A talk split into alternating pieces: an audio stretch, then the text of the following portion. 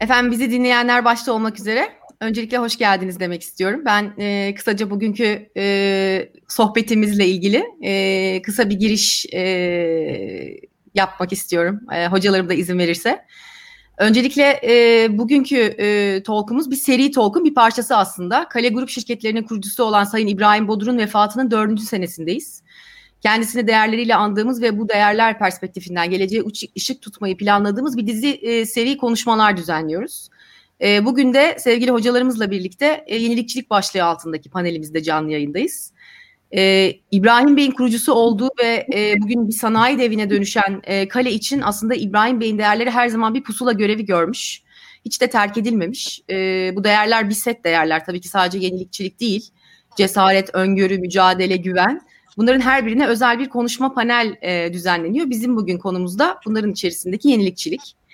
E, bu konuyu seçmemizin e, bu seneyle de aslında hoş bir bağlantısı da şöyle var.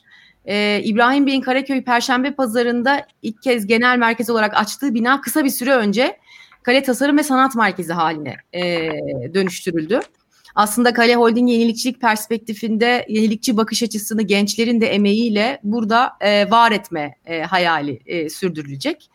E, bu e, Kale Tasarım ve Sanat Merkezi'nin e, bilgi paylaşılan, özgür düşüncenin teşvik edildiği ve daha da önemlisi tasarımın e, filizlendiği bir yer olarak hayal ediliyor.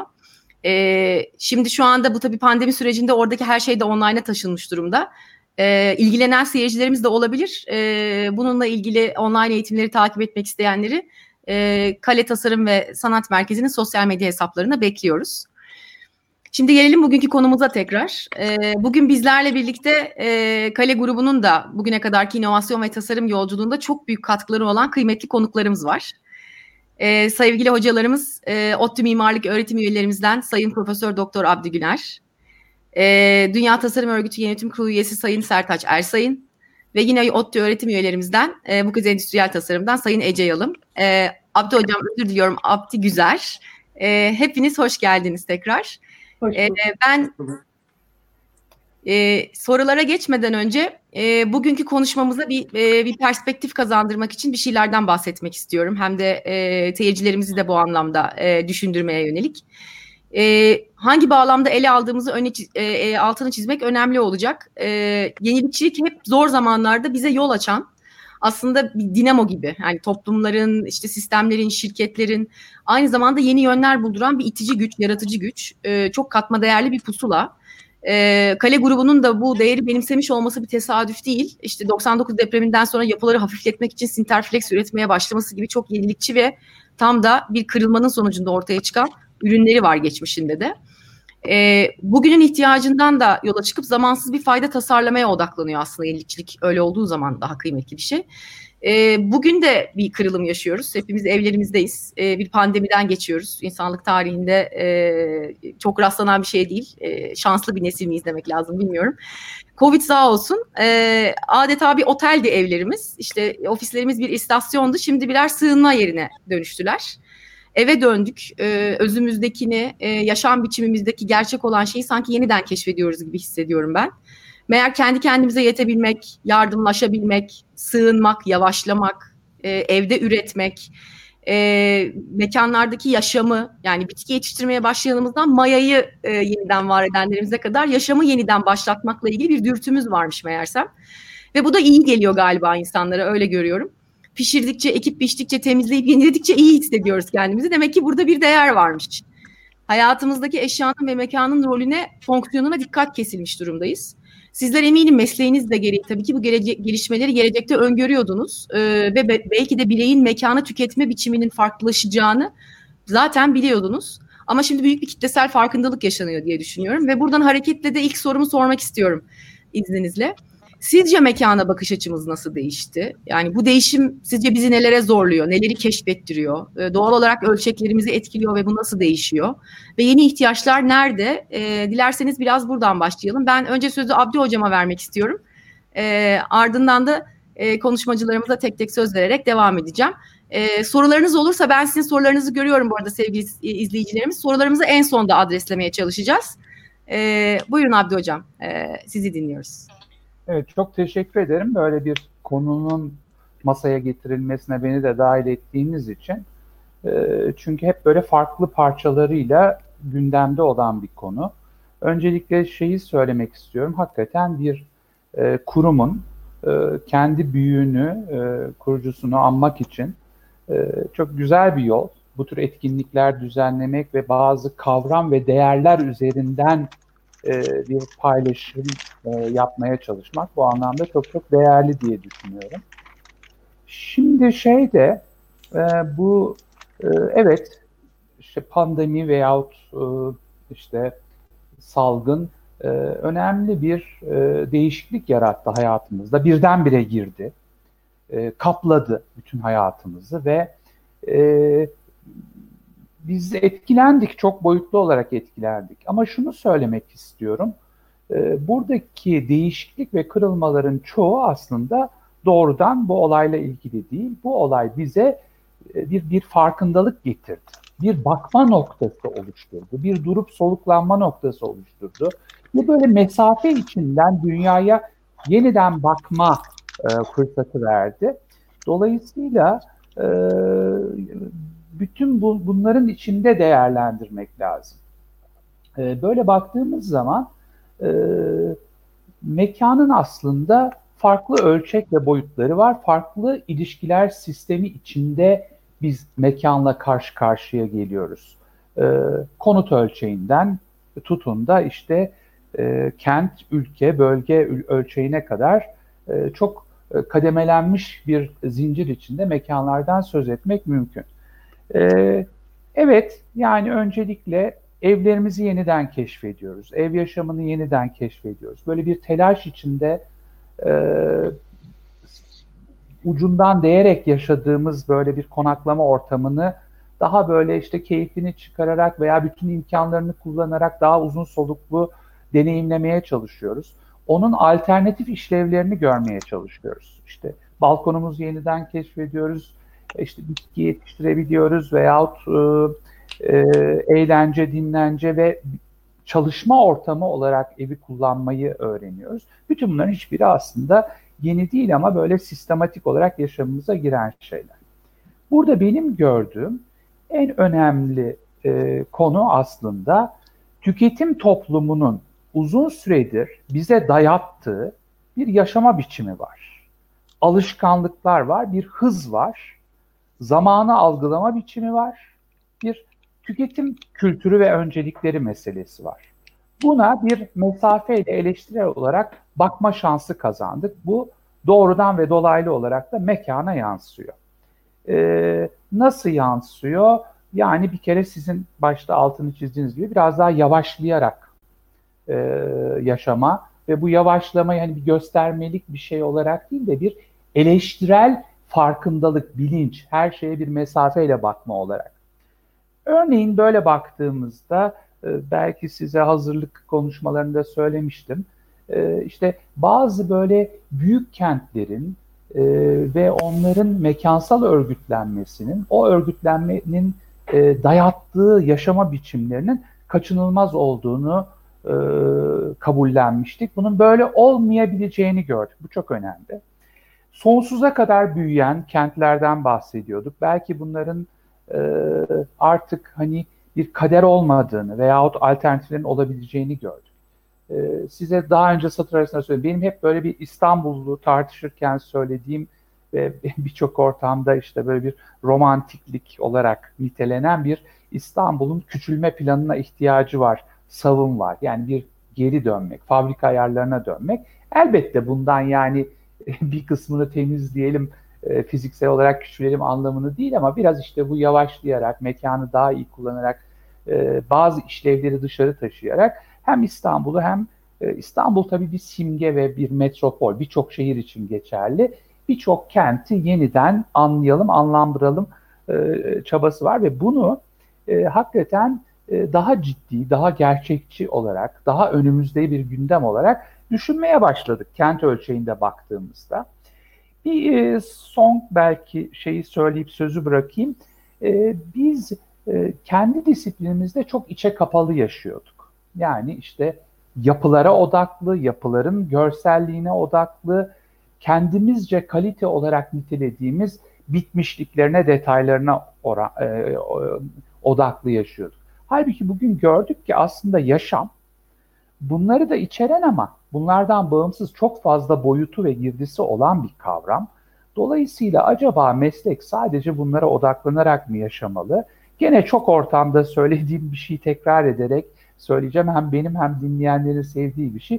İki güzel yapı yan yana geldiğinde kendinden güzel bir kent yapmıyor. Veya işte ölçekler arasında alt ölçekteki iyi bir mekan üst ölçekte de iyi bir mekanın garantisi değil. Bu nedenle bu zincir ve ölçekler içindeki e, değişim ve dönüşümü e, görüyor olmamız lazım. Çok teşekkür ediyorum Abdi Hocam. Ece Hocam size devam edebilir miyiz? Siz ne düşünüyorsunuz? Sizce mekana nasıl, bakışımız nasıl değişti, ne yönde değişti? Ee, öncelikle Abdi Hoca'yı da dinlemek çok keyifli.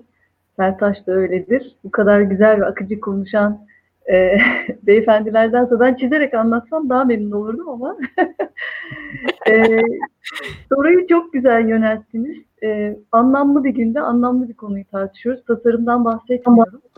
Yani hem e, kalenin e, kale için çok önemli bir değerden bahsediyoruz. E, onun e, e, önemli bir gün yani kaybettiğimiz e, belki babası ama e, arkasında bıraktığı değerlerin bu kadar sahip çıkılıyor olması çok çok güzel bunu görmek. Ve bakıyoruz ki bugün o değerler ne kadar önemliymiş. Ve bir tanesini aldık biz şimdi masaya yatırdık konuşuyoruz ama özel de bir zamanda konuşuyoruz. Yani sıradan bir tasarım ve yenilikçilik konuşması değil bugünkü. E, çünkü e, dediğiniz gibi yani biz tasarımcılar birçok şeyi öngörmeyi belki becerebiliyoruz. Bu tip şeyleri önceden çok tartıştık hayal ettik, masaya yatırdık, nereye gidiyoruz, ne olacak bu iş. Bizim de açıkçası ekip olarak çok fazla düşündüğümüz konular bugün karşımıza keskin bir bıçak gibi çıktı. Sadece e, ben bu kadar keskin bir dönüşüm olabileceğini hiç beklemiyordum. Yani film senaryosu gibi oldu. Biraz da distopik oldu beklediğimden daha e, negatif yönde. Ama oldu. Yani er, er veya geç belki biz bununla karşılaşacaktık. Şimdi e, öyle bir şeydeyiz ki zamanda üstüne bir saniye bile düşünmediğim şeyleri oturup baya baya tartar biçer olduk. Yani dediğiniz gibi ekmek mayasına kadar indi bu iş. Çünkü hayat söz konusu olduğunda, hayatınızı korumak söz konusu olduğunda evimiz kale oldu ki ne kadar sizin şeyinizle uyumlu. Ee, kapımız bizim kale kapımız oldu. Ee, o kapıya asılan ekmek bizi irite eder oldu. O ekmek kaç kişinin elinden geçerek geliyor. Yani bakar mısınız bir sürü başka şeyler düşünürken Mars'a mı gideceğiz falan derken ekmeğimizi düşünür olduk. Şimdi e, neredeyse ben bunu şöyle e, tanımlıyorum. Sıfır seviyesine gel, bir level, bir seviyeye geldik. Deniz seviyesine iner gibi. Ve çok enteresan global olarak geldik buraya. Hepimiz aynı yerdeyiz. Yani ne kültür, ne dil, ne işte teknolojisi, ileri teknolojisi geri. Aslında hepimiz aynı seviyede ekmeği tartışıyoruz. Ben bunu tabii ki çok acı deneyimler yaşadığımız için e, açıkçası süreci çok üzgün, üzülerek, endişeyle de yaşadım ama bir diğer taraftan da çok büyük bir fırsat olarak görüyorum. Bu böyle hani zorla kafamıza sopayla evimize de sokularak hadi bakalım şimdi düşünün dedirten bir zamandayız. Şimdi bu zamandan herkes farklı çıkacak. Bireyler için konuşuyorum, ekipler için konuşuyorum, firmalar, kim ola, devletler, şehirler nasıl alırsanız. E, tabii herkesin kendi tasarrufudur. Bu süreçten nasıl bir e, e, fayda kazanarak çıkacağız. Ama biz gerçekten ders alarak çıkmak zorundayız. Bir defa işin özü bu. Yani Allah'ım ne olur her şey eski haline dönsün diyenleri evde kalmalarını tavsiye ediyorum. Çünkü öyle bir şey yok artık. Ve zaten olmasın da biz hiç olmazsa daha iyiye doğru bir şekilde yönlenelim. Şimdi burada doğanın verdiği dersleri var. Onları göreceğiz. Ee, insan olarak duygusal e, bir takım şeylere daha fazla önem vereceğiz e, e, faktörlere. E, belki etik olarak bazı durumlardan ders alacağız. Diyorsunuz ya bireysel olmak, birlikte davranmak, paylaşmak vesaire ama her şeyin e, ötesinde sanırım siz de zaman kelimesini kullandınız. Ben şuna çok değer veriyorum. Biz zamanı nasıl kullanıyoruz? Kiminle, hangi yoğunlukta aslında onu öğreniyoruz. Yani onu keşfediyoruz şu ara. Ailemizde geçirdiğimiz zaman eşler, e, eşimizle, dostumuzu özledik, ekip arkadaşımızı özledik. Yani aslında zamanı nasıl kullanıyormuşuz biraz onu keşfediyoruz. Ve de buradan bu süreçten çıktığımızda bu zamanın gerçekten değerli, bakın verimli demiyorum. Şöyle pek çok konuşma dinliyorum ben. Daha verimli nasıl çalışacağız, verimi nasıl koruyacağız? Aslında hakikaten verimden çok ben değerin peşindeyim. Onun için de e, mekana getirecek olursam lafı, biz e, ve de siz de firma olarak şunu sormalıyız kendimize. Bundan sonra bir nevi bizim hizmet ettiğimiz kullanıcılar e, bu krizden sonra neye değer verecek? Gerçekten değer onlar için ne olacak?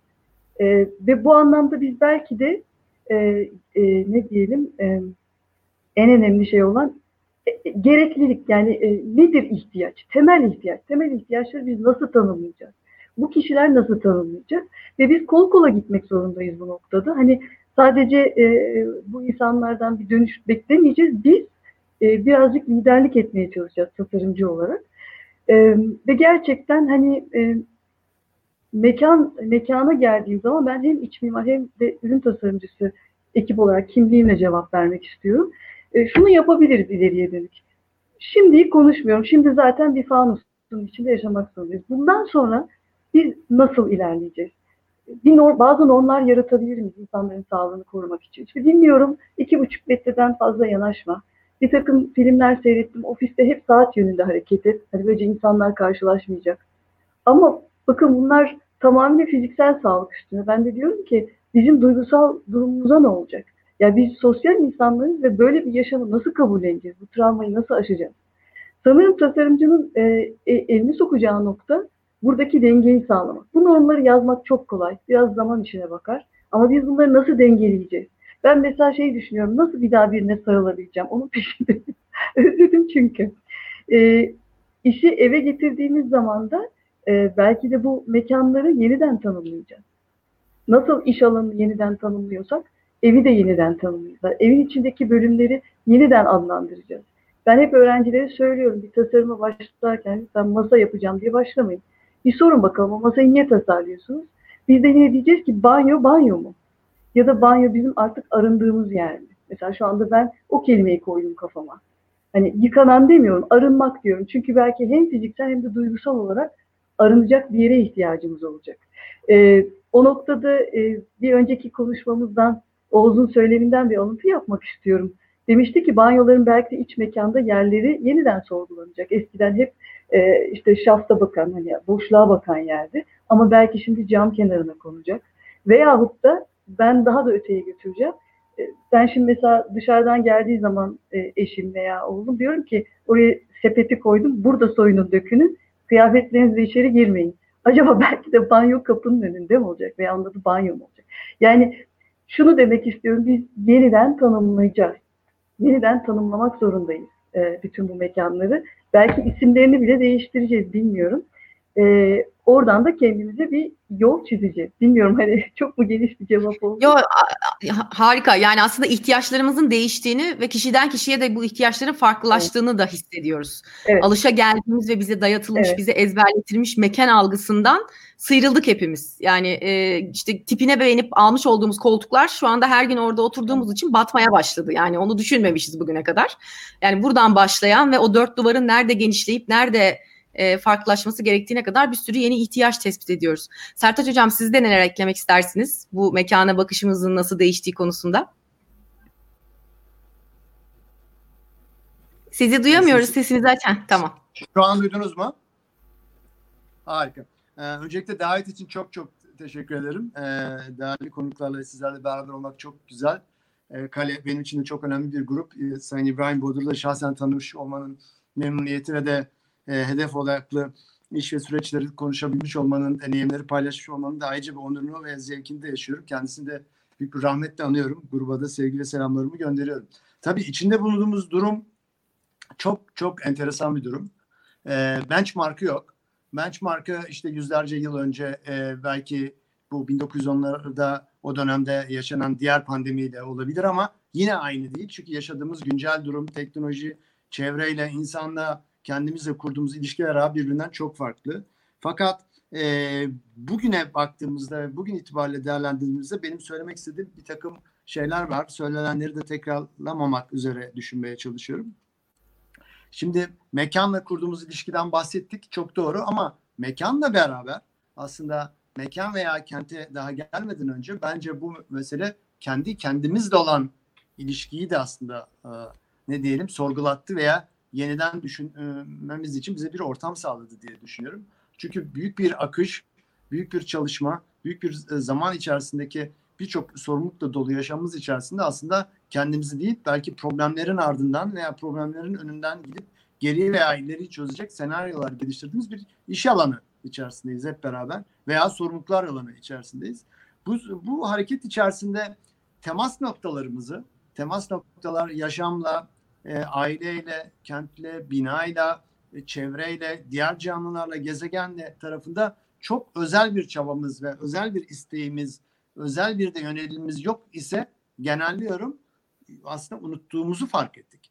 Bütün bu ilişkiler ağı içerisinde baktığımızda tarımdan e, işte e, canlılara e, uzaydan gezegenin kendisine üzerine bastığımız kaynaklara iş süreçleri içerisinde verdiğimiz bir sürü karara derken aslında kendimizi şurada bulduğumuzda birbirimize yavaş yavaş itiraf edelim. Çok ürettiğimiz, çok tükettiğimiz ve bu çokluk üzerine kurulu bir yaşam döngüsü içerisindeyiz. Bu çokluğun içerisi çok göreceli olarak herkes hepimiz farklı farklı doldurabiliriz. Aslında bir anlamda baktığımızda da şımarıkça ürettiğimiz ve şımarıkça tükettiğimiz bir şey içerisindeyiz. Şimdi aslında bence bu pandemi ve bunun etrafında dönen bu içinde bulunduğumuz duygu silsilesi bence başkalarına değil kendi ve kendi iç sesimize duyduğumuz empatiyi aslında bence öne çıkardı. Kendimize, kendimizdeki o yaşadığımız kendimizi önce bir öğrendik, öğrenmeye çalıştık. Ben öğrendiğimizi zannediyorum, çevrede bunu görüyorum. E, aynı sorunları küresel olarak bu kürenin her tarafında e, milyarlarca insanın yaşadığı bir yerde aynı hislerle de duygu ve his ortaklığına geldik. Şimdi duygu ve his ortaklığı dediğimiz meselenin kendisinin aslında çözüm yolları da aslında ortaklaşmaya başladı. Biz daha düne kadar ne diyorduk?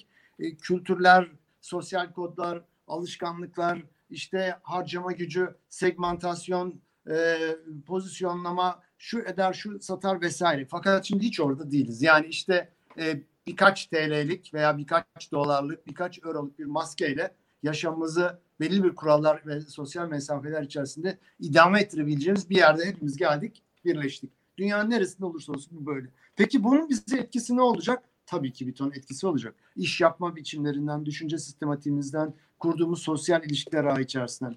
Bunun ürün, obje, mekan, kent, yaşam alanlarımızı etkisi içerisinde e, neler konuşacağız? Bence çok şey konuşacağız. Aslında yaşam alanlarıyla beraber biz bir yaşam stili formu tanımladığımızı veya tanımladığımız yaşam ilişkileri içerisinde bir takım değerleri onlara yanıtlayarak bir konfor sağlamaya çalıştığımızı hep beraber biliyoruz. Şu an taleplerin değişeceği bir yerdeyiz. Ece'nin dediği gibi belki mekan, ıslak mekanların yeri ve konumu da değişecek ama yani bu yıllardır hani konuştuğumuz bir şey aslında yaşamın ta kendisi olmaya başlayacak. Şimdi 2020 yılında el yıkamayı öğrendiğimiz e, ve ekmek yapmayı öğrendiğimiz bir yer bir, bir yandan da bir baktığımızda da bir başka bakışları çok ironik gelebilir bizlere. Fakat şu var, bütün bu kaygının içerisinde ben özellikle şunun altını çizmek istiyorum. His ortaklığı ve duygu ortaklığı ile çözüm yolundaki motivasyonlarımız bize yeni sorular ve sorgulamaları da beraberinde getirecek ve getiriyor. Ee, değişimi sadece bir pandemiye bağlamayalım. Çok daha önce başlayan bir motivasyonun içerisinde farkındalığımızı başka bir yere getiren, başka bir perspektive yönlendiren aynı düşünce odağında benzer soruları sorduğumuz bir mesele olarak adlandırılıyor.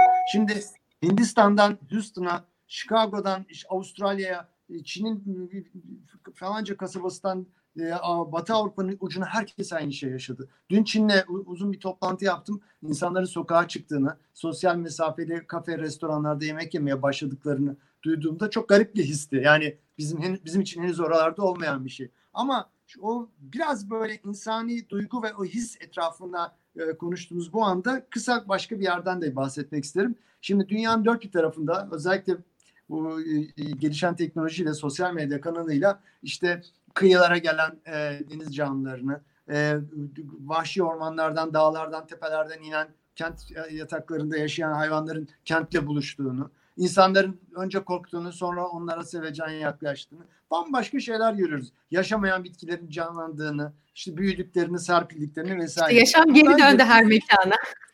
Evet, bence bir farkındalık daha oldu. Yani yaşadığımız bu gezegendeki diğer canlıları da fark etmeye başladık. Ben bu dönemi yani kendi adıma farkındalık dönemi diyorum. Bu farkındalık kendimizle ilgili, iç sesimizle ilgili, çevremizle ilgili, yaşadığımız yerle ilgili, ilişkilerle ilgili. Hani şöyle bir şey söyleyeyim. Daha düne kadar bütün seyahatlerimizi bir pasaport gösteriyorduk ve geçiyorduk değil mi? Dünyanın her yerinde. Şu an o kadar anlamsız oldu ki. Şu an eğer Covid-19'unuz yoksa, ateşiniz yoksa geçebiliyorsunuz noktasına geldik. Doğrular ve sorgulamaların çok değiştiği bir yerdeyiz ama etkilerinden kısa bahsedeyim. Hani belki ikinci turda konuşacağız. Tabii bunların etkileri olacak. Özellikle de sosyal etkileri olacak. Sosyal mesafeli bir ilişkiler ağı içerisinde ileride sosyal mesafeli ilişkiler ağını e, yaşama biçimlerinde bize gösteren kentler görebiliriz. Şirketler görebiliriz. Bölgeler görebiliriz. Ülkeler görebiliriz. Çünkü bu sosyal mesafeli yaşam kavramının bize getirdiği iyi yönetilmezse bir de birbirinden uzaklaşma tarafında negatif bir etkisi olabilir. Yaklaşırken uzaklaştığımız bir e, tersine ve farklı bir neticeye götürecek bizi bir ilişki arağı içerisinde kendimizi bulabiliriz. O, o yüzden kendi mekanlarımızda çok e, farklı hislerle yaklaştığımız bir yeni bir e, öneri dönemi içerisinde ama birbirimizden uzaklaştığımız kontrollü ve seviyeli e, diyelim ve bir, bir, bir kral ve anlayış içerisinde bir dönemi görebiliriz. Bu aslında hiçbirimizin arzu etmediği bir şey. Çünkü şunu da gördük ki hepimizin birbirine ihtiyacı var ve hepimizin birbiriyle ilgili de söyleyecek hikayesi ve paylaşıp dokunabileceği meselesi var. Bunun konut ve yaşam e, tarafındaki etkileri ile ilgili sorunuz oradaydı çünkü etki, o paylaşmak istersem aslında bütün bu, bu bakış ve çerçeve içerisinde bence evimizdeki petten birbirimizle kurduğumuz konutu ve yaşam alanı paylaştığımız bireylerden e, birinci ve üçüncü kuşaktan bütün bu ilişkiler ay içerisinde bakacağımız bence çok mesele var. Bunun mekana, e, üzerine oturduğumuz koltuğa, e, yaşam stili ilişkileri içerisinde içerideki kurguladığımız e, bir e, ne diyelim senaryoya yani bu şeye benzetiyorum ben. Hep beraber gidip bir gastronomi bir yemek kursu alsak birbirimize bir takım rolleri paylaşıyoruz değil mi? Zaten o yemeği beraber yapabiliyor isek lezzetli bir şekilde bir zaman da içerisinde her şeyi de beraber yapabiliriz. Onun gibi bir şey. Evde ve konutta yaşam da böyle bir şey. Sadece ne konforlu koltuk yetiyor ne de dünyanın en iyi tasarladığımız beyaz eşyası bunu çözüyor. Dolayısıyla duyguya, paylaşmaya, farkındalığa dayalı ve bu temel üzerine kurulu yeni bir düşünce sistematiği içerisinde yeni olmayan, söylediğimiz ama şimdi daha bold karakterde söyleyebildiğimiz bir dönem içerisinde yöneldiğimizi ben düşünüyorum. Çok teşekkür ediyorum Sertaç Hocam. Şimdi ben aslında sizin de söylediğinizden ikinci soruma e, gelmek istiyorum. E, şimdi tabii ki doğal olarak e, sizlerin bunlar bildiği ve öngördüğü konularda mekanla ilgili bir takım yenilikler, bir takım yeni bakış açıları getirmek gerekiyordu zaten. En başta Abdi Hocam'ın da söylediği gibi hani bazı şeyleri dönüştürmemiz evet. gerekiyordu. Ece Hocam da bahsetti. E şimdi bu farkındalıkla birlikte aslında bu bu bizi bir yere doğru itecek. Yani bir şeylerin yenilenmesine doğru e, itecek ama bir şeylerin yenilenmesine doğru iterken de bence yenilikçiden ne anladığımız da değişecek. Yani yenilikçilik kavramından da ne beklediğimizle ilgili e, düşünmeye ihtiyacımız var. E, yani her her konuşmacımız bahsetti. Yani konunun estetik ve kozmetik katma değerinin ötesine geçemeyen hani herkeste var bizde de olsun diye yapılan bir inovasyonla devam edemeyeceğimiz aşikar. E, belki inşallah bu vesileyle bundan vazgeçeriz. E, burada e, Kale grubunun kendine vizyon olarak belirlediği bir e, konu var. E, o da şu. E, yaşadığımız mekanlara anlam katma vizyonuyla çalışan bir şirketler grubu Kale. E, aslında işte sosyal ilişkilerimizden e, işte eşya ile olan ilişkimize e, veya işte şehirle olan ilişkimize kadar e, burada bir anlam katma e, gayreti ve çabasıyla e, bunu yapabiliyorsak bu işi yapmamızın bir anlamı var diyen bir şirket vizyonuyla hareket ediyor. E, sanki e, yenilikçiliğe bakış açımızda bundan sonraki dönemde bu anlam arayışı daha da bir önem kazanacakmış e, gibi hissediyorum. Ece Hocam sizinle başlasak sonra Abdi Hocam'la devam etsek siz ne düşünürsünüz? Sizce yenilikçilik nereye doğru gidecek e, bu elimizdeki büyük farkındalık ve anlam arayışıyla? E, şimdi siz soruyu çok güzel sordunuz. Cevabı da içinde anlam deyip verdiniz. Ben şimdi onun altını doldurmaya çalışacağım. Bizim e, kaleyle birlikteliğimizde bu kadar e, elektriğimizin tutmasının zaten sebebi geçmiş zamanlarda yaptığımız ürünlerde hep bu anlamın peşinde koşmak da aslında. E, firma olarak da çok çok önem verdiğinizi çok iyi biliyorum. Aynı Sertaç'ın, sevgili Sertaç'ın dediği gibi mesela banyoya ıslak mekan dedi. Belki biz artık ıslak mekan olarak adlandırmayacağız onu. Yani yenilikçilik dediğimiz şeyi belki de şimdiye kadar inovasyon kelimesi yanlış kullanıyorduk. Ee, şimdi ben şöyle geri dönüyorum.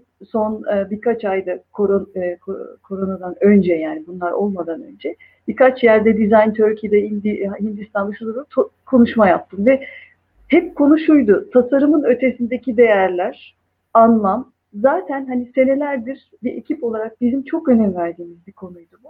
Çünkü teknolojiyi, yeni teknolojinin işte e, yaptığımız tasarıma e, e, entegre olmasını veya yeni malzemelerin kullanılmasını ben bunları hep araç olarak görüyorum. Yani bunlar hep var. Tasarımcı olarak izlemek durumundasınız ve de sektörüne bulunduğunuz noktaya göre de istediğiniz oranda bunları entegre ediyorsunuz. Ama gerçek ihtiyaç ve de gerçek e, kullanıcı senaryosunu tanımlamak ve bu ürüne bir anlam kazandırmak. Yani banyoya banyo değil, ıslak mekan değil de yeni bir insan davranış, yani insan davranışları nereye gidiyor ve ben buna nasıl cevap veririm diye baktığımızda biz yenilikçiliği hep oralarda bulduk. Yani ofis mobilyasında da olsun, banyo mobilyasında da olsun yenilikçiliği aradığımız yer insan davranışlarıydı. Şimdi burada içinde bulunduğumuz e, zamanda şöyle bir şey var. İnsan davranışlarını daha önceden öngörebiliyorduk, izleyebiliyorduk, okuyorduk, araştırıyorduk. Şu anda sürekli değişen, e, değişmekte olan bir sürecin içindeyiz. Belki de iki ay sonrasını kafamıza göre bir sürü senaryolar yazdık. Onlar da değişebilir iki ay sonra. Çünkü e, bu Covid'in ne olacağını bilmiyoruz. Mutasyon geçirecek. Yani işe negatif taraftan bakmak istemiyorum. Sadece şunu söylemek istiyorum. Değişken bir senaryonun içerisinde çok esnek tasarımcılar olarak ve de refleksi çok hızlı olan tasarımcılar olarak sürekli bu insan davranışlarını nasıl etkileyecek ve biz burada yenilikçi yaklaşımı onların hayatına nasıl sokabiliriz? Bu yaklaşımın arkasında da şu var, fayda var. Yani o kişiye fayda. Ya fiziksel sağlığını gözeteceğim ki bence bu yeterli olmayacak artık. Çünkü işte el yıkamayı öğrendik. Belki de yıkayarak arınmayacağız. Bundan sonra başka bir sistemle arınacağız. Bilmiyorum. E, ama duygusal olarak da aynı Sertaç'la aynı yerlere geliyoruz. Biz çünkü sosyal insanlarız ve duygusal olarak da o evin içerisinde e, bütün bu mekanlarda yaptığımız, kullandığımız e, senaryoların içerisinde hepsini bir bütün olarak düşünmek zorunda kalacağız. Şimdi burada nereye geleceğim? Mesela biz e, 50 gün mü oldu, kaç gün oldu? Ma aile aynı mekanın içinde yaşıyoruz. Yeni jenerasyon var evde 21 yaşında. Onların bu süreci algılamasıyla bizimki farklı. Ee, annem var bir başka evde sürekli irtibattayız. Onların algılaması daha farklı. Daha önce öğrenci projelerinde hep şunu öneriyordum ben. Ee, lütfen yaşlılarla torunları bir araya getirmeye çalışın. Çünkü onlarda bir sürü değer var kaybetmek üzere olduğumuz. Küçüklerle bir araya gelsin. Ve şimdi öyle bir pozisyondayız ki bunları ayırdık. Ee, gerilikçilik nerede biliyor musunuz? Bütün bu denklemi içine girip çözmeye çalışmakta. Ve biz buralardan e, kendimize bir takım yollar bulacağız. E, bu noktada belki e, yeniden tanımlayacak olursak yenilikçiliği ya da bizim anladığımız anlamıyla e, kalıpları tekrar sorgulayacağız. Kör noktaları arayıp bulacağız. Tasarımcılar olarak konuşuyorum. Rutin alışkanlıklarımızı bir kere daha gözden geçireceğiz. Gerçekten doğru muydu? Halı iç altına süpürdüğümüz bir takım e, değerleri belki yeniden çıkaracağız. En basitinden kolonya örneğini düşünün. Yani bu noktada yenilikçi olduğu kadar eski değerleri de bunun içine nasıl entegre ederiz? Ee, nasıl ekmeğin mayasına döndüysek belki bazı değerlerin de özüne döneceğiz. Ee, bilmiyorum banyoda kurnaları araştıracağız. Yani bugün su sorunu olsaydı biz kurnaların üzerine konuşuyor olacaktık. Ben yenilikçiliği biraz daha hani böyle e, şey gibi görmüyorum. Bir sürü teknolojik e, e, yenilikler, çok fütüristik değişiklikler. Şu an için ben biraz daha hemen koronanın arkasındaki bir iki seneyi biz nasıl geçireceğiz e, ve insanların mekanlarında nasıl rahatlatırız? Bu yeni jenerasyon e, ev sahibi olmak peşinde değil, ma, e, mal sahibi olmak peşinde değil. Farklı bir bakış açıları var. Onlara bu yeni süreci nasıl yaşatacağız? E, bir mi olacağız, biz mi olacağız? Mesela bunları belki de e, sorgulamamız gerekecek. Ve açıkçası e, şimdi bana deseniz ki bunlar nasıl etkileyecek trendleri? Trend tek umurumda değil açıkçası. Yani bu renge nasıl yansıyacak, malzemeyi nasıl yansıyacak bilmiyorum. Ama şu kesin biz e, insanlara, e, her bir bireye e, kendi mekanda huzur bulabileceği, rahatlayabileceği, kendi kurgusunu yaratabileceği bir takım tasarımlar, tasarımlar ve mekanlar önermek durumundayız. e, belki iç huzurunu sağlayabilmesi açısından. Harikasınız Ece Hocam. Yani ben ilham aldım. Ee, yani inşallah olsa öyle bir tasarım da ben kendimi onun içinde bulsam diye düşündüm. Harika yani anlamı iş, ilişkilerde aramalıyız. Trendlerin ötesinde aramalıyız. Müthiş. Ee, peki e, Abdü Hocam siz neler eklemek istersiniz? Sözü size versem. Evet aslında Ece hakikaten çok e, güzel bir çerçeve çizdi. Özellikle de anlam bir anahtar sözcük orada. Şimdi bu yenilik e, çok böyle tehlikeli ve kaygan bir sözcük şeyin de e, işte bu tüketim toplumunun, popüler kültürün e, ve eleştirel olmayan e, kültürlerin çok sevdiği bir sözcük. Dolayısıyla böyle bir hep dikkat edin reklam kampanyaları yeninin altını çizer, yenilenmenin altını çizer. Çünkü aslında şeyle çok özdeştir. Yani bu tüketimin akselerasyonu, e, ivmelenmesi ve akışı ve yenilenmesiyle e, çok özdeştir. E, ve yeni kavramının iki tane anlamı var böyle baktığımız zaman. Bir tanesi çok hani tüketime yönelik bir etiket. E, böyle bakınca da e, eskiyi değersizleştiren bir kavram aslında. E, yani işte herhangi bir nesne, herhangi bir olgu, herhangi bir durum aslında e, değerini yitirmediği halde zamana e, şey yapamadığı, uyum sağlayamadığı için yapay olarak e, gündem dışı kalabiliyor veya değersizleşebiliyor. İşte moda böyle bir kavram mesela. En son Ece'nin de altını çizdiği. Çünkü moda bir şeyin malzeme ömrü bitmeden kültürel ömrünün bitmesine karşılık gelebiliyor ve sizi e, bir yenilemeye zorlayabiliyor. Öte taraftan da yeninin tabii bir e, bütün bu e, güncellikle e, doğrudan ilişkilenmeyen e, bir arka plan anlamı var ki o aslında e, doğrudan görsel olarak temsil edilmeyen, biçimsel olarak temsil edilmeyen işte felsefeyle, teknolojiyle, ekolojiyle, e, ideolojiyle e, özdeş olarak e, algılayabileceğimiz daha genel bir e, kavram olarak masaya geliyor. E, ve bu anlamda tabii bu eskiyi yatsıyan bir şey değil, eskinin e, parçalanması, e, şey, e, e, e, yenilenmesi, es, eskinin dönüşmesiyle ilişkili olarak e, önümüze gelebiliyor. Bu açıdan da e, tabii çok e, boyutlu olarak düşünülebilecek bir kavram.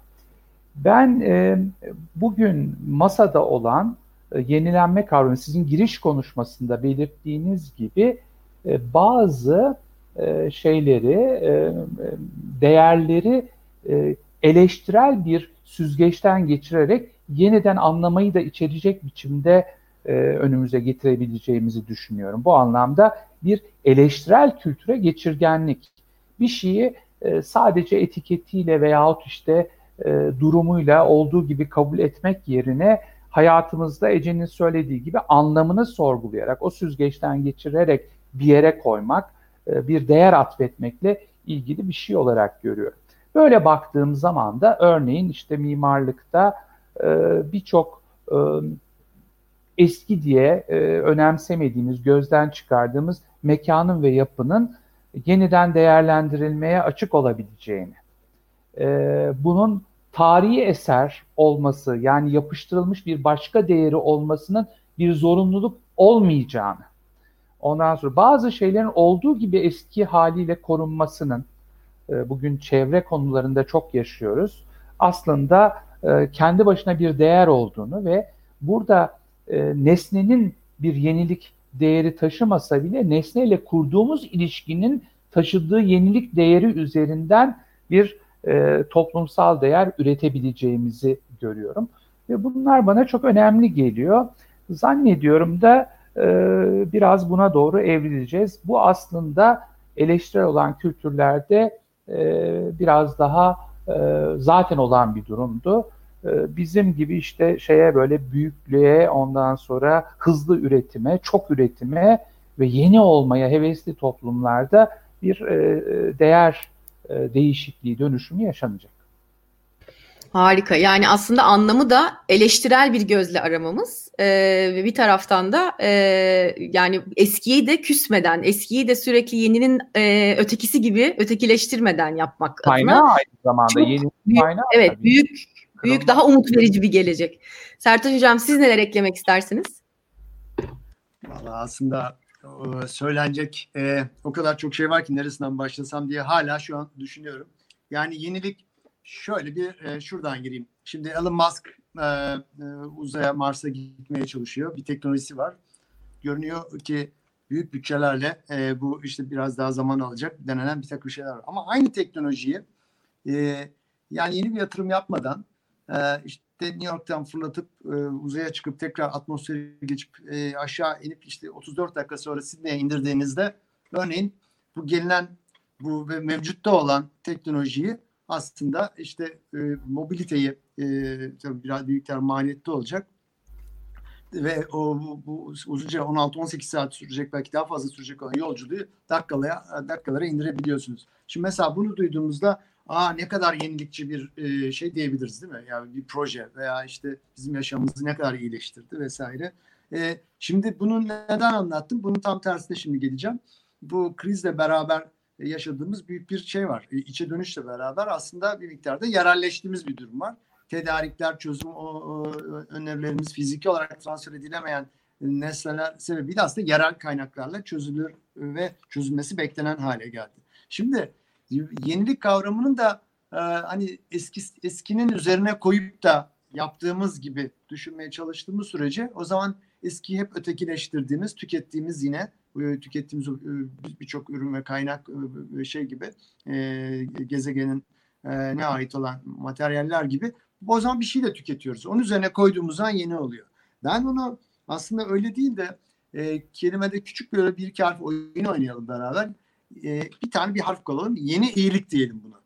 E, şimdi yeniliği yeni iyiliğe çevirdiğimizde o zaman aslında e, anlamı e, e, pozitife giden ve de e, iyileşme ve faydalı bir faaliyet etrafında odaklanan başka bir odaklama daha sağlayabiliyoruz. Şimdi yeni iyilik diyelim buna, yenilik diye, e, diyelim tamam.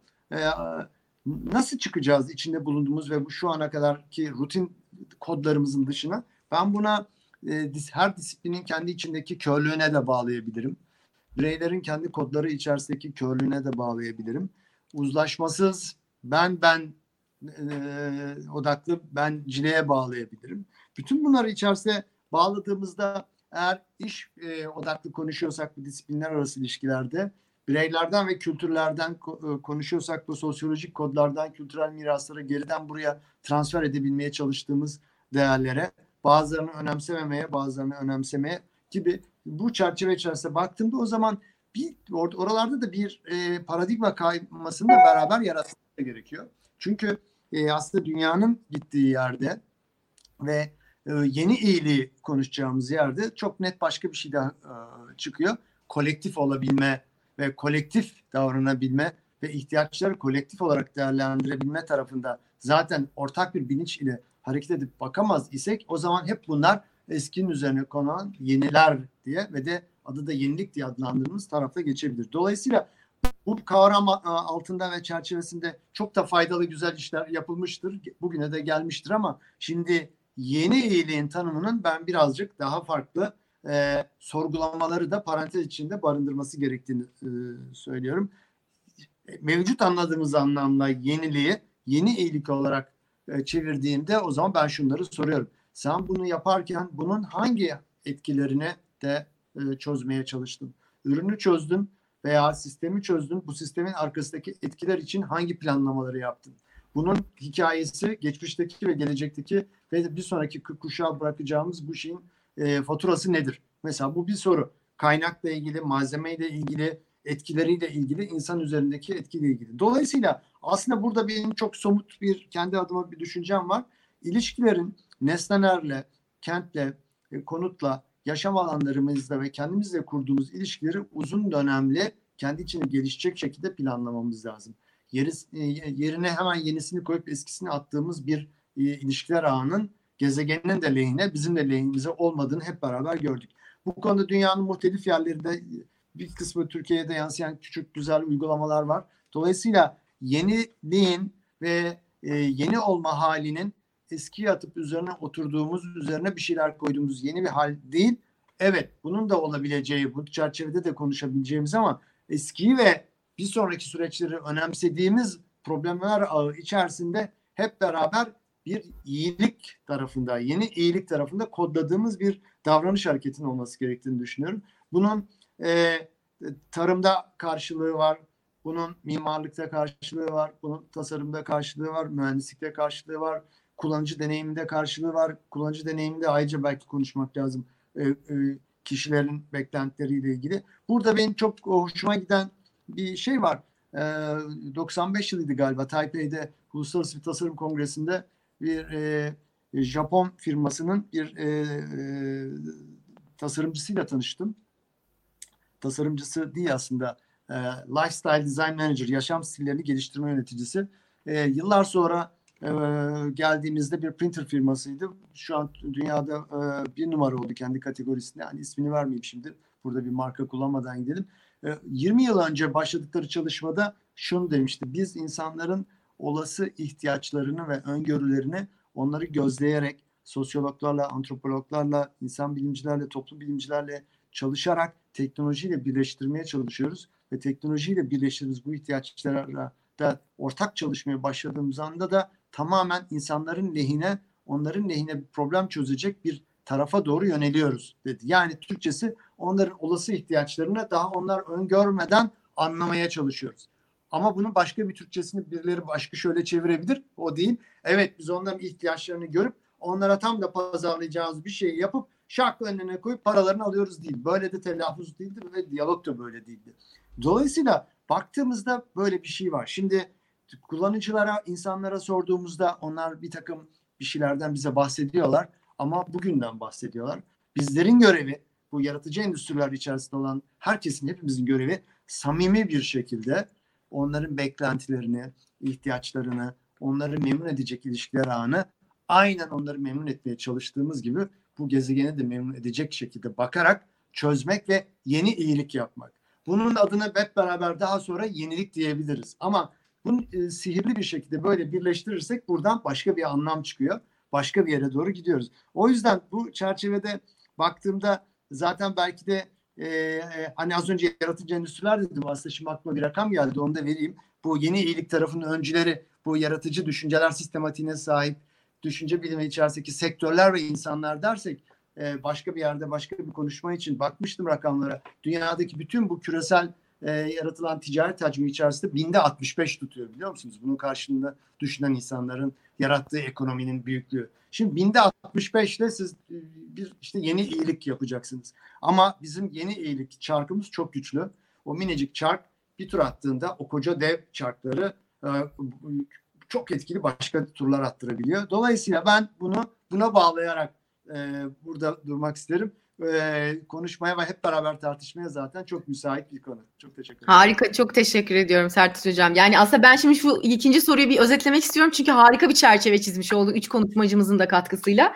Yani yenilikçiliği anlam aradığımız ama trendlerin ötesinde bir yerde anlam aradığımız, ilişkilerde, faydada, insan davranışında bir anlam aradığımız, bunu eleştirel bir gözle bakıp eski ötekileştirmediğimiz bir yere vardığımız ve olmazsa olmazı da bunun lokali unutmadığımız, iyi olanı unutmadığımız, uzlaşmacı davranmayı, dayanışmacı davranmayı unutmadığımız bir yere doğru çekmemiz. E, bu zaten aslında hani ideal olarak yapmamız gereken bir şey galiba ama şimdi daha fazla insan bunun farkında ve bunu talep edecek hale geldi galiba. Bu da çok heyecan verici. Bu da beni bir sonraki son soruma getiriyor. E, Sertaç Hocam sizle devam etmek istiyorum. Şimdi böyle bir durumda ben bile hani heyecanlandım sizlerle aynı meslekte değilim ama sizi en çok ne heyecanlandırıyor? Yani bu işten bu, bu işle beraber bu bakış açısı değişikliğiyle bu yeni düşüncelerle beraber siz bu ortamda yeni bir alanda yeni bir şeyleri tasarlamakla ilgili neye heyecanlanıyorsunuz ya da nasıl bir proje üretmekle ilgili kendinizde böyle bir enerji hissediyorsunuz? Birazcık sizin de bireysel e, bundan sonraki projeleriniz veya düşüncelerinizle ilgili duymak isterim. Bence şu taraf çok heyecanlı. Başkalarının samimi hikayelerini ve gözlemlerini dinlemek çok heyecanlı. Onların o yolculuğu içerisinde nelerle karşılaştıkları, nasıl şeyler öngördüklerini ve de nasıl pozisyon aldıklarını beklemek çok heyecanlı.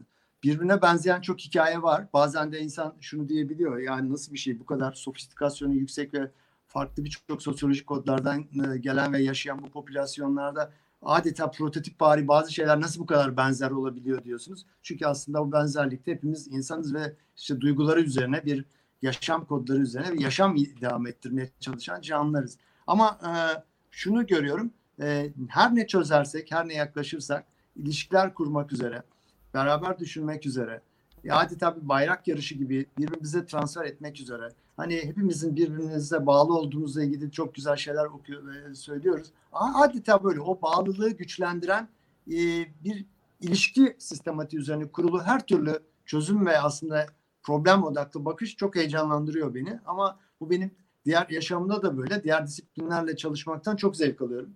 Hatta mümkünse hep diğer disiplinlerle beraber daha çok zaman geçirmeye çalışıyorum. Çünkü aslında her disiplinin de kendi içinde ne kadar güçlü kodları olduğunu ve oradan da vazgeçmekte de çok da gönülsüz olduklarını da görüyorum ama dünyanın gittiği yerde bu disiplinlerin birbiriyle uzlaştığı, insanların birbirleriyle uzlaştığı, buradan yeni alanlar, yeni çözümler, yeni öneriler çıkardığı bir yerdeyiz. Bunu bu benim için çok önemli ve e, ve de şey hani müzakere yapmak, e, tartışmak, e, farklı bir düşünce varsa onu anlamaya çalışmak gibi. Ben bu e, tarafın gelecek dönem için çok daha önemli olduğunu da düşünüyorum. Tabii buna bir ilave bir şey gözlem e, bizim için çok önemlidir tasarımcılar için. Anlamak önemlidir. Analiz önemlidir. Tüketicilerin ihtiyaçlarını anlamak önemlidir. Duygusal beklentilerini de ayrıca konuşmak da e, önemlidir. Kendi ekosisteminin o bireyden, bireyin o sistemden beklediklerini anlamak da önemlidir. Ama bütün bunların içerisinde bu anlamanın dışında bir bu ekosistem içerisindeki bütün davranışsal kodları da anlamaya çalışmak da önemlidir. Ne, nereden beslendi, nasıl düşündü? Tabii şimdi e, bu e, bakışın içerisinde e, yeni ve farklı aslında kavramlar da beraber inşa edebiliriz veya ben şu an kullanabilirim ama gördüğüm şey şudur. Bu bir zaman e, yolculuğu içerisinde biriktirerek, öğrenerek ilerliyoruz. Bir, e, bir eski kuşaktan yeni e, değerler öğreniyoruz, yeni anlamlar öğreniyoruz. Bunları kendimiz anlamlandırarak transfer ediyoruz. Bu adeta şuna benziyor. E, Google'ın yaptığı yeni çalışmada globe üzerinde, küre üzerinde yaklaşık 6 milyar şey var, nokta var. Bu noktaların her biri birer insan.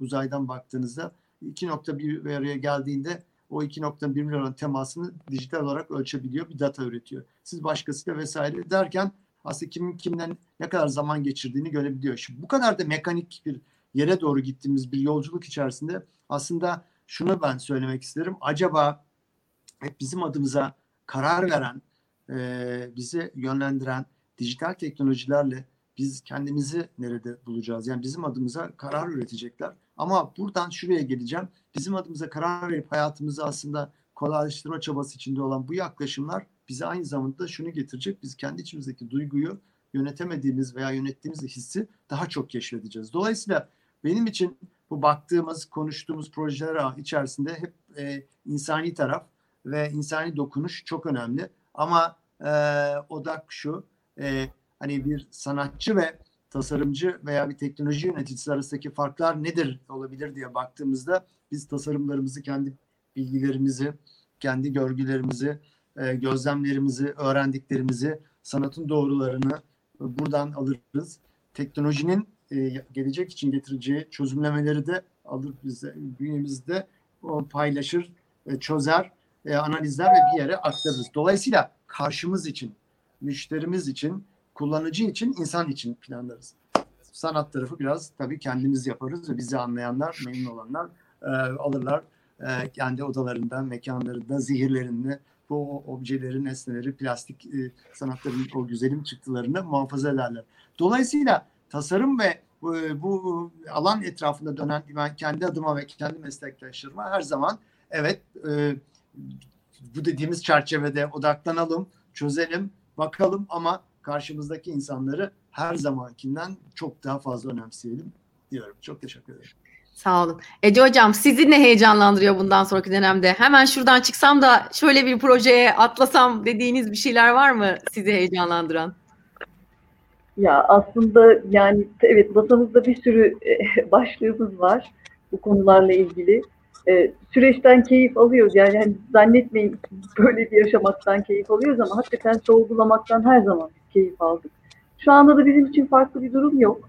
E, çok isim vermeden size şöyle bir örnek vermek istiyorum. Aslında Sertaç'ın söyledikleri düşüncelerime çok yakın. Ben şu içinde bulunduğumuz kaç gün artık 50 gün, 60 gün, 2 ay neyse 3 ay e, şeye benzetiyorum. Yani bizi böyle bir kampa götürdüler. Yaş önemli değil, cinsiyet önemli değil, milliyet, kültür vesaire hepsini unutun. Bir trekking şeye çıktık, e, kamp e, yürüyüşe ama haritamız yok. E, ve hepimiz farklı kişilikler, karakterleri. Kimimiz tek yol alıyor, kimimiz iki kişi beraber, üç kişi beraber ama biz bu süreçte haritasız, pusulasız, işte güneşe bakarak yol almayı öğreniyoruz. E, kutup yıldızını yeniden öğreniyoruz. İşte ağaçların arkasındaki e, yeşil yosunlardan kuzeyi güneyi neyse tespit ediyoruz. Bir şeyler ağzımıza atıyoruz. Yenmezmiş onu öğreniyoruz aç kalınca. Yani aslında herkes bu yaşadığı e, e, fanus içindeki dönemi farklı yaşıyor bana sorarsanız. Kimisi de oturuyor bir manzaranın karşısında sakin ve sessiz o manzarayı seyrediyor. Kimisi de bir şey içerisindeyiz. Buradan bir anlam çıkarma. Herkesinki makbul bana sorarsanız. Yani o süreçten, bu süreçten her meslekli, her farklı karakteristiklerdeki insan, her farklı ekip, her farklı firma, bunları sembolize ettim kafamda, farklı yetilerle çıkacak bu süreçten. Ee, bence önemli olan o yetileri, o kazanımlarımızı biz bundan sonraki süreçte nasıl kullanacağız? E, ve o noktada da e, açıkçası Sertaç'la çok benzer şeyler söyleyeceğim. E, ola ki her şey normale döndü ki ben hani mutlaka aynı olacağını düşünmüyorum. En azından travmalarla birlikte e, boğuşacağımız birkaç sene bizi bekliyor.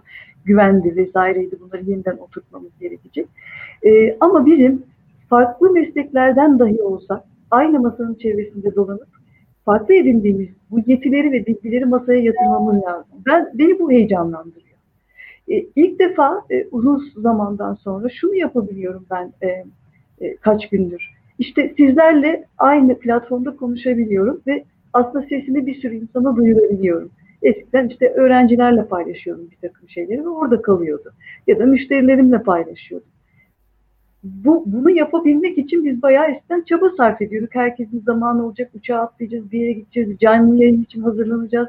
Oysa ki şimdi ne kadar rahat paylaşabiliyoruz. Yani bunun tadına bir kere varmışken bu yaşadığımız süreçteki bütün negatiflikleri, acıları unutamayız. Yani ben açıkçası bu süreci manzara seyredeceğim bir boş zaman olarak bir türlü algılayamıyorum. Yani bu süreçten gerçekten bir şeyler öğrenerek çıkmam lazım diye düşünüyorum. O noktada da bir araya gelebildiğimiz anda veya yine online bilemiyorum. Farklı meslek grupları ve şunu da altını çiziyorum. Farklı jenerasyonları aynı şeye toplamamız gerekiyor ki hepimiz bu süreçten ne edindik ve bu bütün bu bilgileri acaba daha iyi biz, ben de öyle şey yapmıştım Sertaç'cığım. Seninki yeni iyilik, çok hoş, çok hoşuma gitti. E, better we, yani daha da iyi ama biz, ben değil de biz bu süreçten opportunist bir şekilde nasıl bir mal üretsek daha çok satarız gibi değil de bir şey yapıp bununla nasıl daha fazla fayda sağlayabiliriz ve bunu yaparken sadece kendi e, yönlendiğimiz profilimizdeki müşteriler değil, tüm insanlar için, gezegen için. E, çünkü zaten gezegen e, bizi uyarıp duruyordu, çığlıklar atıyordu. E, birçoğumuz umarım artık oturup sakin sakin bunu düşünüyordur yani biz nasıl bu noktaya geldik diye.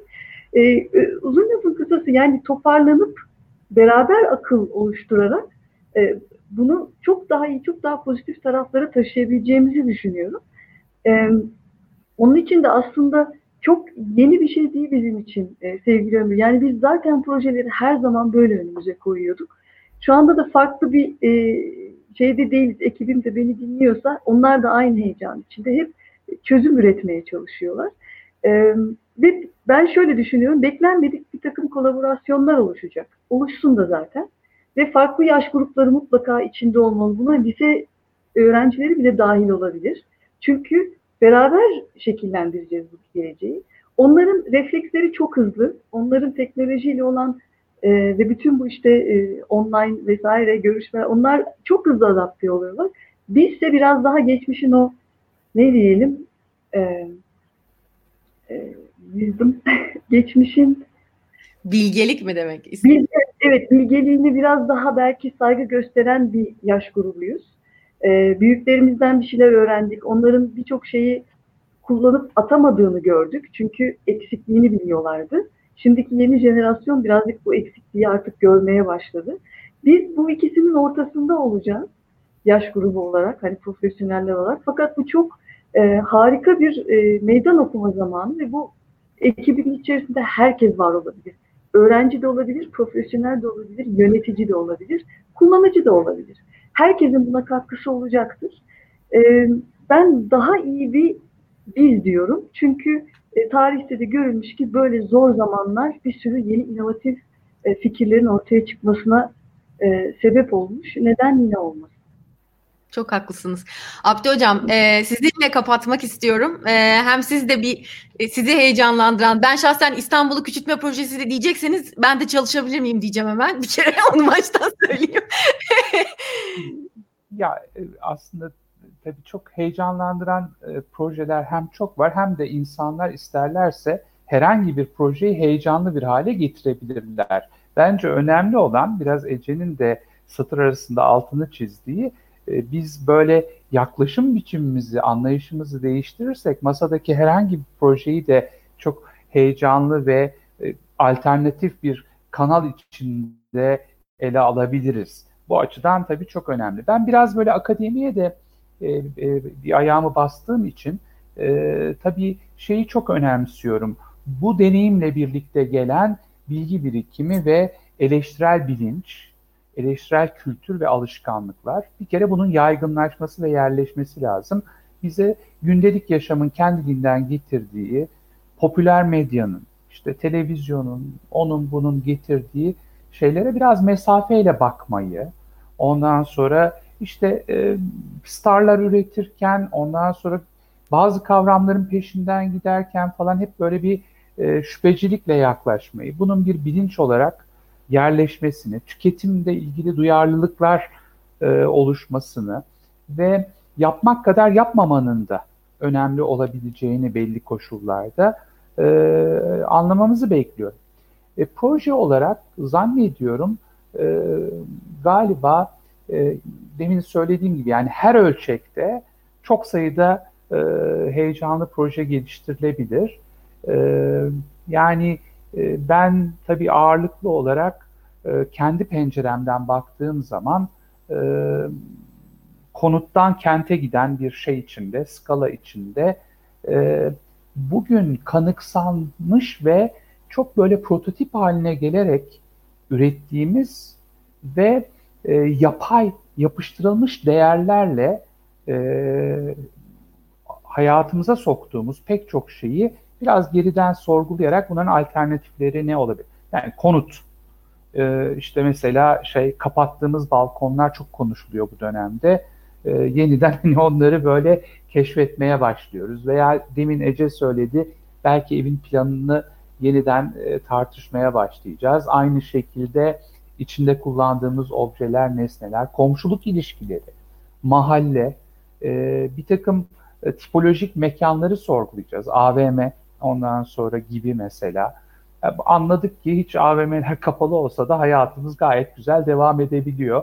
E, dolayısıyla acaba hani hakikaten e, böyle bir vazgeçilmez parçası mıdır yaşamın diye sorguluyoruz. En azından acaba bu tür projelerin hepsinde bir tipolojik dönüşüm, e, alternatif e, şey masaya gelebilir mi, gündeme gelebilir mi diye düşünmek lazım.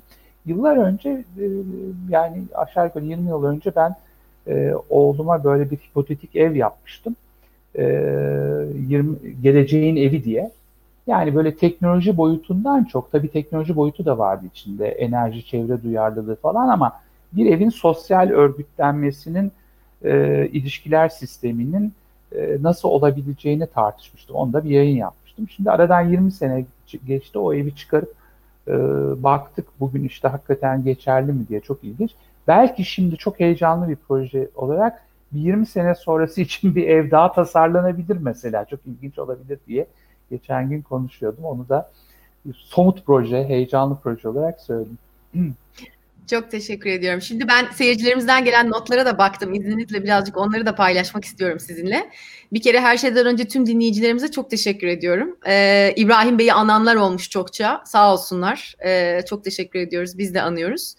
Ee, sorulardan bir tanesini e, tartışmak üzere e, gündemimize getirmek istiyorum. Şöyle bir soru aslında. Doğru anlıyorsam şayet.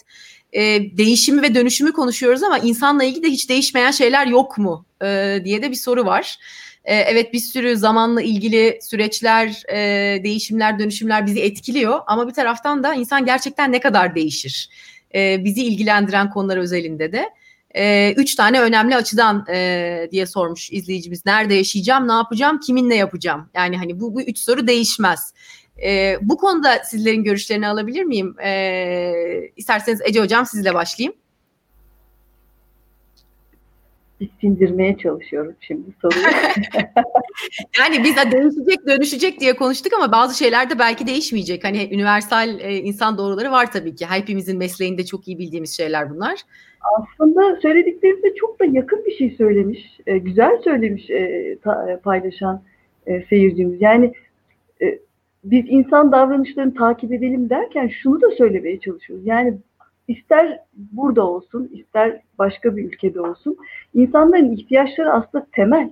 Hani temel ihtiyaçları bir daha tanımlayalım diyoruz. Belki de o bir mutasyona uğramıştı. Ve bir takım e, suni siz çok güzel dile getirdiniz. Yenilenmiş olmak için yenilenmek. Belki de o değil ki bizim istediğimiz. Belki de hakikaten olduğumuz gibi kalmak istiyoruz. Bu da bir seçim. E, fakat e, biz değişmiyoruz da adapte oluyoruz diyelim. Yani her canlının bence böyle bir şeyi var. Yani bakacak olursanız doğadaki canlılara bulundukları yere adapte oluyorlar. Şimdi tabii ki değişmeyen şeyler var. O yüzden biz hep dikkat ederseniz üçümüz de benzer bir şekilde duygulara yönlendik. Yani fiziksel sağlığın korunma şekli değişebilecek ama bizim duygusal ihtiyaçlarımız değişmeyecek. Mesela ben hala dediğim gibi nasıl arkadaşımla tokalaşacağım, nasıl sarılacağım, e, ve hatta bir çok fütüristik fikirlerim var. Diyorum ki birisi şöyle bir yeni bir e, veri keşfetse ve vurur hemen üstümüze böyle şey olsa ve o gelen e, virüsleri yok etse.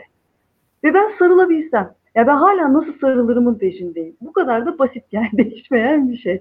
Ve bu çok fütüristik ama neden olmasın onu ben değil de belki hani medikal sektörde veya e, e, genetik okuyan arkadaşlarım evde var bir tane. Onlar bulsunlar ve ben dolayısıyla yeni bir ürün tasarlamadan e, bunu yapabileyim. E şimdi bunun arkasındaki naif sebebe bakar mısınız? Yani millet bunun için uğraşacak. Niye? Çünkü ben sarılmak istiyorum. Oysa ki bir fanus içinde yaşasak, bir ürün tasarlasak o da olur. E, bence çok haklı. Değişmeyen şeyler var. Ve biz birazcık da onları e, korumak zorundayız. İşte değerler dediğimiz şeyler. Kurnadan o yüzden bahsettim. Ve çabuk vazgeçtik. Ondan sonra birkaç bilmem kaç sene önceydi biliyorsun susuzluk çektik. Ve hep aklıma geldi. Şu duş nereden girdi hayatımıza diye. Yani çok haklı. Belki de biz bu değişmeyecek olan şeyleri, doğru şeyleri peşinden koşup adapte olacağız. Ama şu da bir gerçek ki çevremizde şimdi adapte olmamız gereken yeni bir hayat var. Ve tam da oyunun kuralını da bilmiyoruz.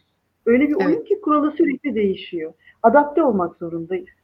Öyle mi? Bir de belki evet dediğiniz gibi çok da bildiğimizi zannetmeklerden de vazgeçmeyi öğretiyor bize belki. Evet. Yani çok yakından dikkatli bir şekilde bakıp inceleyerek, tartarak işte Sertaç hocam da söyledi, dayanışarak hep kendimiz bilmiyoruz başkasına da sorarak hani evet. o ortak aklı kovalayarak e, adapte nasıl adapte olacağız sorusu doğal olarak gelecektir diye düşünerek söylüyorum. Kesinlikle. Böyle adapte olacağız işte.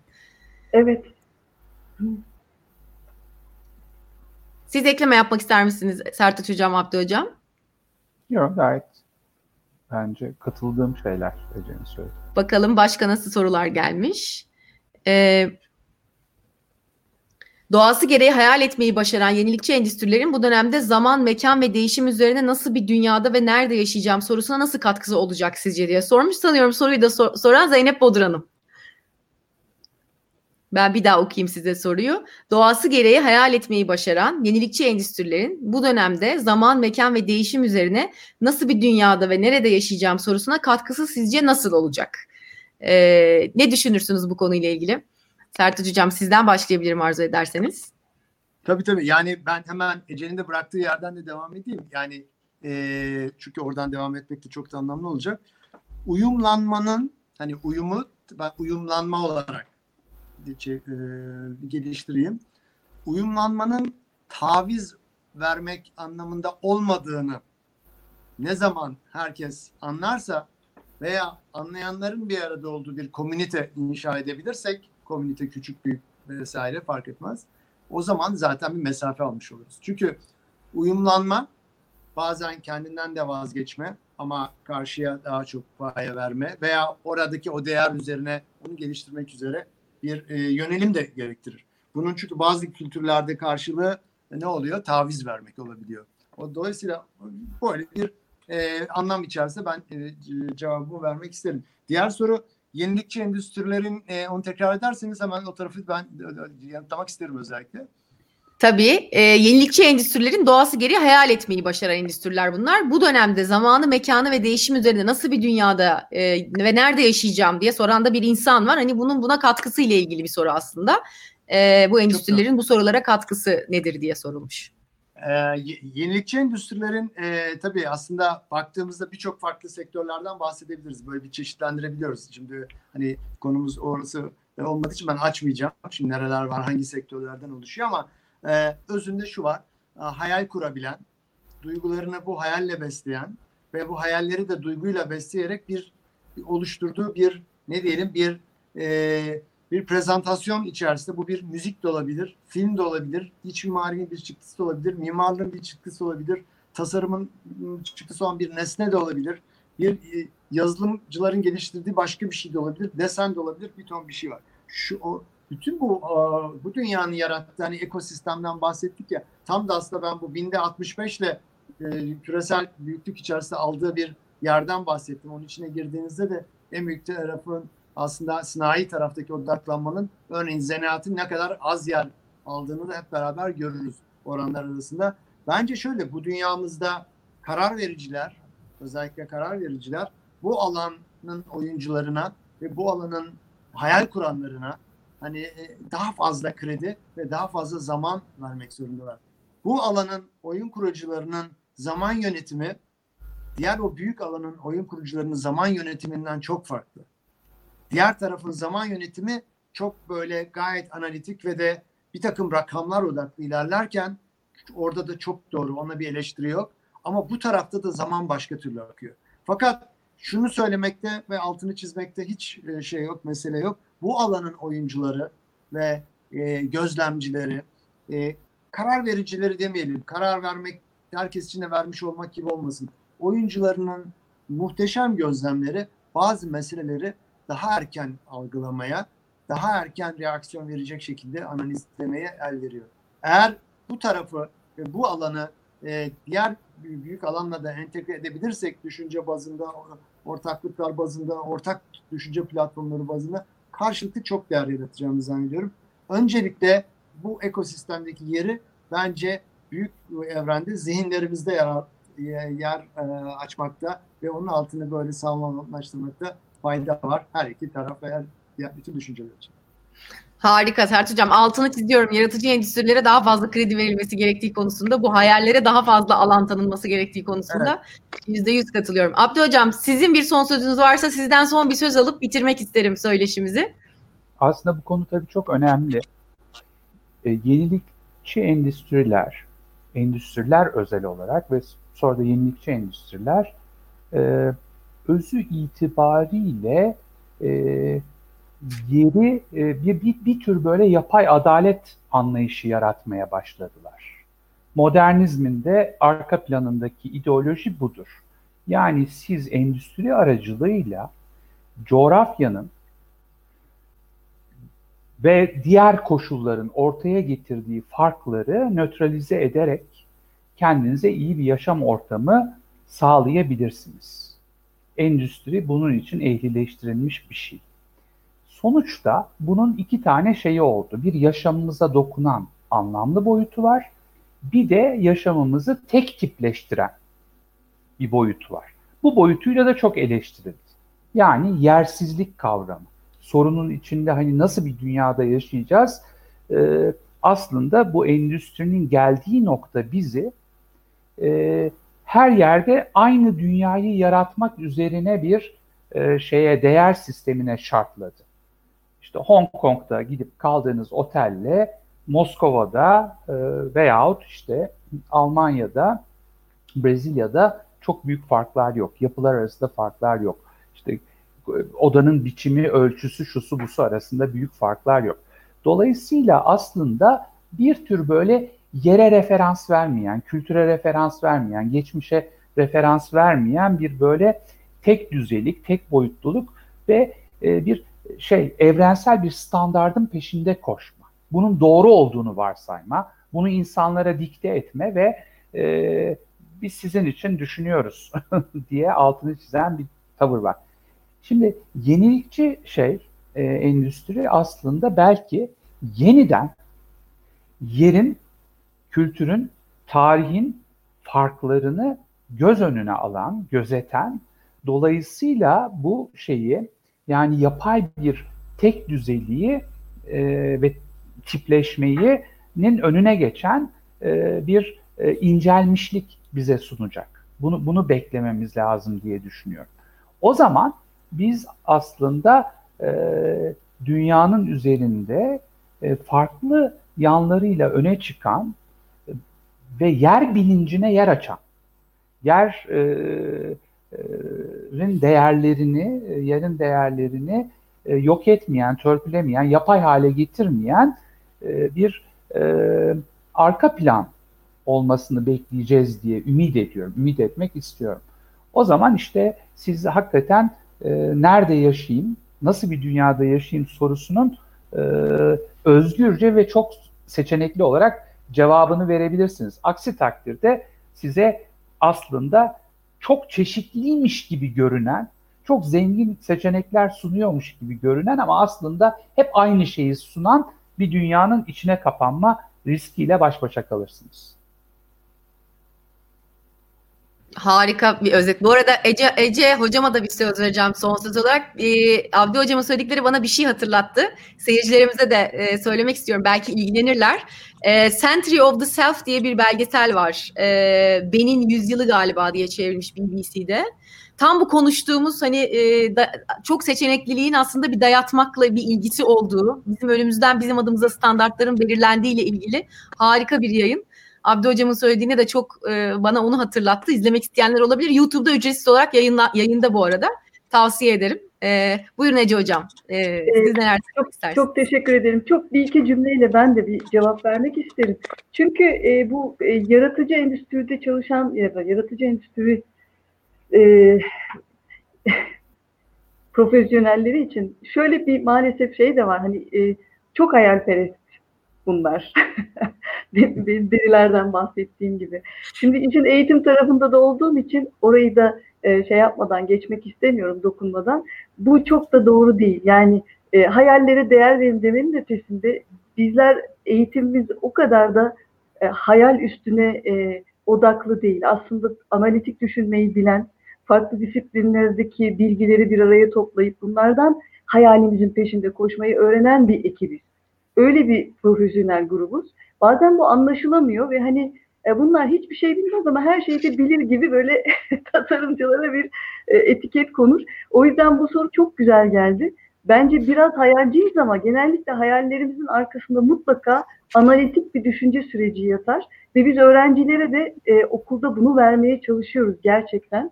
E, o anlamda da tasarımın e, doğru yere konulmasını çok isterim. E, güzel bir soru. Çok doğru. Bu arada siz konuşurken bir soru daha geldi. Bence söylediğiniz şeye de çok bağlanıyor. Ee, bu dönüşümü yaratırken bir taraftan da gerekli olan öz yıkım sorumluluğunu alabilmekle ilgili. Yani aslında tasarımcılar, yaratıcı endüstriler, sorumlu da endüstriler. Yani e, sadece hayaller kurmak değil işimiz tabii ki. Bu hayalleri böyle e, e, ötesini, berisini, etkisini düşünerek e, tasarlamak mecburiyetlerimiz var. Hani bir sürü regülasyonlarımız olduğu kadar bir taraftan da aslında böyle eğitiliyoruz. Aynen e, söylediğiniz gibi. Peki kıymetli hocalarım ben çok teşekkür ediyorum e, sizlere. Eklemek istediğiniz bir şeyler varsa lütfen buyurun. E, eğer yoksa izninizle. Tabii ki buyurun. Ben söylemek istedim. Ee, çok güzel bir örnek vereceğim. Covid-19 e, probleminin ülkemizde ilk görüldüğü gün olan 11 Mart'ın akabinde bir anons çıktık e, tasarımcılara. İnanın çok kısa bir zaman içerisinde birçok insan gönüllü olarak nasıl çalışabiliriz diye hemen zamanlarını ayırdılar. Bun, buradan e, çıkan bir aktivasyonla Designaton diye bir marka inşa ettik. 300'ün üzerinde farklı alandan insanlar hemen kolektif bir şekilde bir araya geldiler. Covid-19'la mücadele etmek için. Dünya Tasarım Örgütü'ne bir ilan yaptık. Bir haftada 5050 kişi başvurdu ve bu globalde devam ediyor. Bunu şuraya bağlayacağım. Yaratıcı endüstriler dedik. Katılanların çok önemli bir kısmı. Hani tamamına yakını diyecek kadar da demek istemiyorum. Sadece çok önemli bir kısmı bu endüstrinin temsilcilerinden veya endüstrilerin öğrencilerinden oluşuyordu. Şimdi, aynı zamanda hayal kuran, gelecek için planlayan bu kitle aynı zamanda da çok verici bir kitledir her zaman. Dolayısıyla ekosistemi böyle beraber inşa ettiğimiz sürece yani bunun karşılığını hep beraber görürüz.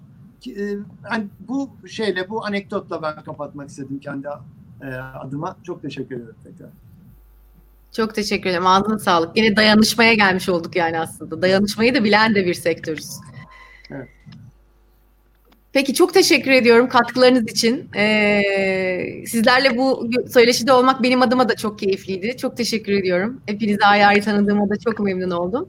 Ee, kıymetli izleyicilerimize de çok teşekkür ederim. Kıymetli dinleyicilerimize de çok teşekkür ediyorum. Ee, sağ olsunlar. Çok şahane bir yayın olduğuna dair çok fazla yorum aldık bu arada. Ben iletmiş olayım. Ağızlarınıza sağlık. Ee, çok teşekkür ediyoruz vaktiniz için. Kendinize çok iyi bakın.